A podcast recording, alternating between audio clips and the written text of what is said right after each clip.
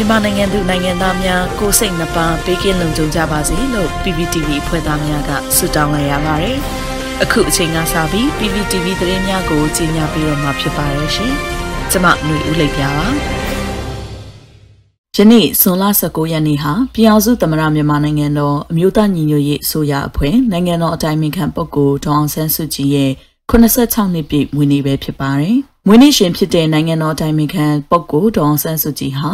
အကြမ်းဖက်စစ်ကောင်စီရဲ့မတရားဖမ်းဆီးထိန်သိမ်းခံနေရပြီးပုံမှန်မျိုးစုံနဲ့အမှုစင်ဆွဆွဲခံနေရတဲ့အချိန်လည်းဖြစ်ပါတယ်။အကြမ်းဖက်စစ်ကောင်စီကမွေးနေ့ရှင်ကိုမတရားချုပ်နှောင်ထားသလိုပြည်သူလူထုကိုလည်းအကြောက်တရားကြီးဆိုးနေအောင်ရက်ဆက်စွာတပ်ဖြတ်နှိပ်စက်မှုတွေပြုလုပ်နေတော့ညာလဲပြည်သူလူထုတရက်လုံးဟာဒီနေ့မှာတော့ပန်းတွေပန်းကြရင်ပန်းတွေစင်ရင်ထုံးဖွဲ့ကြရင်ဆန္ဒထုတ်ဖော်ခဲ့ကြတာဖြစ်ပါတယ်။ အကြံဖက်စစ်ကောင်စီရဲ့လက်ပါစီများကပန်းဝယ်သူများကိုစစ်ဆေးမေးမြန်းတာတွေပန်းပန်သူများကိုဖမ်းဆီးတာတွေလုပ်ခဲ့ပေမဲ့ပန်းတပိတ်ဟာတနိုင်ငံလုံးအတိုင်းအတာနဲ့အောင်မြင်စွာပြုလုပ်နိုင်ခဲ့ပါတယ်။ဒီပန်းတပိတ်ရဲ့အထိပ္ပယ်ကတော့ပြည်သူလူထုဟာအကြံဖက်စစ်အာဏာရှင်တွေရဲ့ရက်စက်ရုံမှအကြံဖက်မှုတွေကြောင့်ကြောက်ရွံ့တွေးပြက်ခြောက်ခြားပြီးတော်လန်ကြီးကိုနောက်ဆုတ်သွားမှာမဟုတ်ဘူး။ဆွဲလျှော့သွားမှာမဟုတ်ဘူး။တွေးအေးသွားမှာမဟုတ်ဘူး။ အာနာယူတွေကိုဆက်လက်ပြီးတော့အစွမ်းကုန်ရင်ဆိုင်တိုက်ပွဲဝင်သွားမှာဖြစ်ပါတယ်။ပြည်သူတွေဟာပန်းပန်လျက်ပဲဆိုတာကိုဖော်ညွှန်းခြင်းဖြစ်တယ်လို့ကဘာကရောမြန်မာပြည်သူတွေကပါရဲရင်သောပန်းတပွင့်အဖြစ်ရှုမြင်ထားတဲ့ဇွန်16မွေးနေ့ရှင်ဒေါအောင်ဆန်းစုကြည်ကိုဂုဏ်ပြုခြင်းလည်းဖြစ်ပါတယ်ရှင်။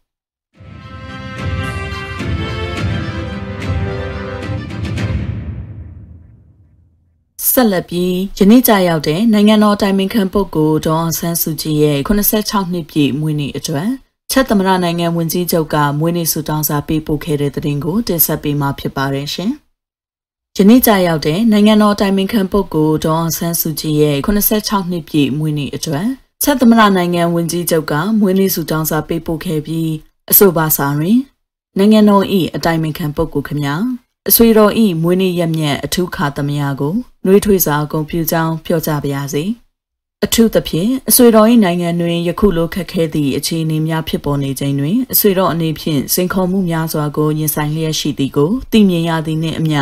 အကျွန်ုပ်မှအဆွေတော်အားကျမ်းမာရေးကောင်းမွန်ပါစေကြောင်းအင်အားပြေဝပါစေကြောင်းနှင့်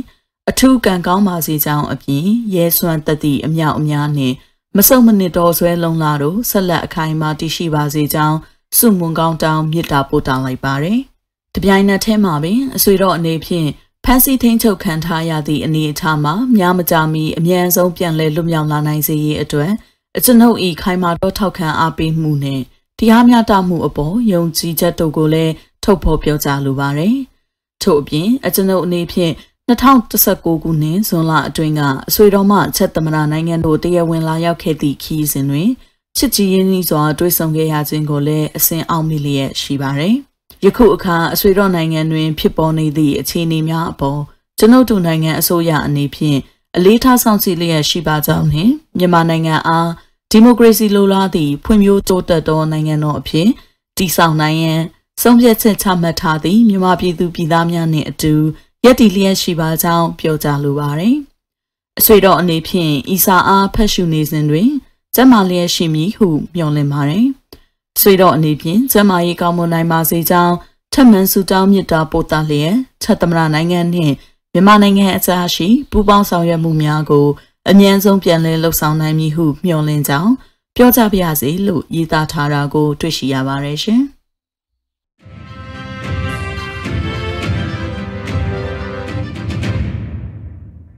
ကုလသမဂ္ဂအထွေထွေညီလာခံကမြန်မာနိုင်ငံဆိုင်ရာဆုံးဖြတ်ချက်ကို ဇွန်လ18ရက်နေ့မှာချမှတ်အတည်ပြုလိုက်တဲ့အကြောင်းကိုဆက်လက်တင်ဆက်ပေးမှာဖြစ်ပါတယ်။ကုလသမဂ္ဂအထွေထွေညီလာခံကမြန်မာနိုင်ငံဆိုင်ရာဆုံးဖြတ်ချက်တစ်ခုကိုဇွန်လ18ရက်နေ့မှာချမှတ်အတည်ပြုလိုက်ပါတယ်။မူကြမ်းဆုံးဖြတ်ချက်ကိုလီခ်တန်စတိုင်းနိုင်ငံနဲ့အခြား53နိုင်ငံတို့ပူးတွဲပြီးမေလာဆန်းကလေးကတင်သွင်းခဲ့တာဖြစ်ပြီးမေလာလယ်မှာဆုံးဖြတ်ချက်ချဖို့စီစဉ်ခဲ့ပေမဲ့အာဆီယံနိုင်ငံတွေကမူလဆုံးဖြတ်ချက်မူကြမ်းမှာပါဝင်တဲ့ မြန်မာနိုင်ငံအားလက်နက်ရောင်းချမှုပိတ်ပင်ရေး Arms Embargo တောင်းဆိုချက်အပါအဝင်မြန်မာစစ်အုပ်စုကိုပြင်းထန်စွာဝေဖန်ရှုတ်ချတဲ့စကားလုံးတွေအပေါ်သဘောမတူနိုင်ဘူးလို့ဆိုခဲ့တဲ့အတွက်နိုင်ငံတွေကြားမှာတလကြောကြာအောင်အပြန့်ပြန့်အလှန်လှန်ဆွေးနွေးညှိနှိုင်းခဲ့ကြရတယ်လို့သိရပါဗျညှိနှိုင်းမှုတွေအပြီးအခုချမှတ်လိုက်တဲ့ဆုံးဖြတ်ချက်မှာတော့လက်နက်ရောင်းချမှုပိတ်ပင်ရေးအစား မြန်မာနိုင်ငံသို့လက်နက်များစီးဝင်နေမှုကိုတားဆီးရေး prevent the flow of arms to Myanmar လို့ပြင်ဆင်လိုက်ပါတယ်။ညှိနှိုင်းအပြီးမဲခွဲကြတဲ့အခါထောက်ခံမဲ119မဲ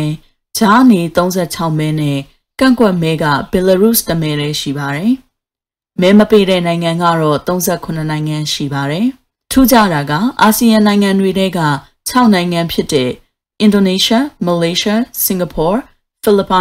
ရှား၊မလေးရှား၊စင်ကာပူ၊ဖိလစ်ပိုင်စ်၊ဗီယက်နမ်နဲ့မြန်မာ NUG ကိုစားပြုဦးကျော်မိုးထွန်းတို့ကထောက်ခံမဲပေးခဲ့ပါတယ်။အာဆီယံလေးနိုင်ငံဖြစ်တဲ့ဘရူနိုင်း၊ကမ္ဘောဒီးယား၊ထိုင်းနဲ့လာအိုနိုင်ငံတို့ကတော့ကြားနေပါတယ်။ပြီးတော့တရုတ်နဲ့ရုရှားကလည်းကြားနေကြပါတယ်။ကုလသမဂ္ဂအဖွဲ့ဝင်193အဖွဲ့ဝင်နိုင်ငံအများစုရဲ့သဘောထားချင်းဟတ်တယ်လို့ဆိုနိုင်ပါတယ်။မူတမ်းမှာပါခဲ့တဲ့လက်နက်ရောင်းချမှုပိတ်ပင်ရေးအစား မြန်မာနိုင်ငံသို့လက်နက်များစီးဝင်နေမှုကိုတားဆီးရေး prevent the flow of arms to Myanmar လို့ပြောင်းလိုက်ပေမဲ့ကျန်တဲ့တောင်းဆိုချက်တွေဟာအားကောင်းတယ်လို့ဆိုနိုင်ပါတယ်။ဆုံးဖြတ်ချက်တစ်ခုလုံးမှာမြန်မာစစ်အုပ်စုကိုအစိုးရလို့မဖော်ပြသွားတဲ့အပြင်နိုင်ငံတော်စီမံခန့်ခွဲမှုကောင်စီနဆကဆိုတဲ့အမည်ကိုတောင်မတုံပဲမြန်မာလက်နက်ကိုင်တပ်ဖွဲ့များမြန်မာ Armed Forces လို့ပဲတုံးဆွဲသွားတာကိုတွေ့ရပါတယ်။ဒီအချက်ကနိုင်ငံရေးအသိအမှတ်ပြုမှုနဲ့ပတ်သက်ပြီး တော်တော်လေးအရေးကြီးပါတယ်။ဒီစကလုံးလေးတစ်လုံးကတရားဝင်မှုကိုတက်ရောက်စေပါတယ်။ဒီလိုစကလုံးကိုတတိထားသုံးဆွဲထားမှုကအာဏာသိမ်းစစ်ကောင်စီကိုမြန်မာနိုင်ငံရဲ့တရားဝင်အစိုးရအဖြစ်အသိအမှတ်မပြုရရောက်ပါတယ်လို့အမျိုးသားညီညွတ်ရေးအစိုးရလူအခွင့်အရေးဆိုင်ရာဝန်ကြီးဌာနပြည်အောင်စုဝန်ကြီးဦးအောင်မျိုးမင်းကပြောပါတယ်။တောင်းဆိုချက်တွေအနေနဲ့ပြည်သူလူထုတရက်လုံးကိုကိုစားပြုတဲ့အယက်သားအစိုးရအဖွဲ့ရဲ့အုပ်ချုပ်မှုဖြစ်အောင်လှုံ့ဆော်ဖို့ ထိမ့်သိမ်းခံအားလုံးချက်ချင်းပြန်လွှတ်ပေးပြီးသူတို့ရဲ့တရားမျှတမှုရရှိအောင်လုပ်ပေးဖို့အကြမ်းဖက်နေတာတွေကိုချက်ချင်းရပ်တန့်ပေးဖို့သတင်းသမားတွေအပေါ်ချမှတ်ထားတဲ့ကန့်သက်ချုံချယ်မှုတွေအင်တာနက်နဲ့ဆိုရှယ်မီဒီယာအသုံးပြုမှုအပေါ်ကန့်သက်ချုံချယ်မှုတွေကိုရုပ်သိမ်းပေးဖို့လူသားချင်းစာနာတဲ့အကူအညီတွေလိုအပ်နေတဲ့သူတွေစီလုံခြုံအနောက်အရှက်ကင်းစွာရောက်ဖို့နဲ့ကုလဖွဲ့ဝင်နိုင်ငံအားလုံးမြန်မာနိုင်ငံကို လက်နက်စည်းစိမ်မှုတွေတားဆီးဖို့ပါဝင်တာကို တွေ့ရပါတယ်။ဒီဆုံးဖြတ်ချက်ကလုံခြုံရေးကောင်စီဆုံးဖြတ်ချက်လို့အာဏာတိုက်ရောက်မှုမရှိပေမဲ့ကမ္ဘာနိုင်ငံပေါင်း193နိုင်ငံတွေကအများစုကထောက်ခံတဲ့ဆိုတာနိုင်ငံရေးအရအဓိပ္ပာယ်ရှိပါတယ်။ဩဇာရှိပါတယ်။တစ်ချိန်တည်းမှာပဲအာဏာသိမ်းစစ်ကောင်စီအနေနဲ့တရုတ်ရုရှားနဲ့အာဆီယံနိုင်ငံအချို့ကိုမိခိုအားထားနေရချိန်မှာ သူတို့ထင်သလောက်အကာအကွယ်မရခဲ့တဲ့အတွက်အတော်ခံစားရခက်နေပါလိမ့်မယ်လို့ဦးအောင်မျိုးမင်းကသုံးသပ်ထားပါတယ်ရှင်။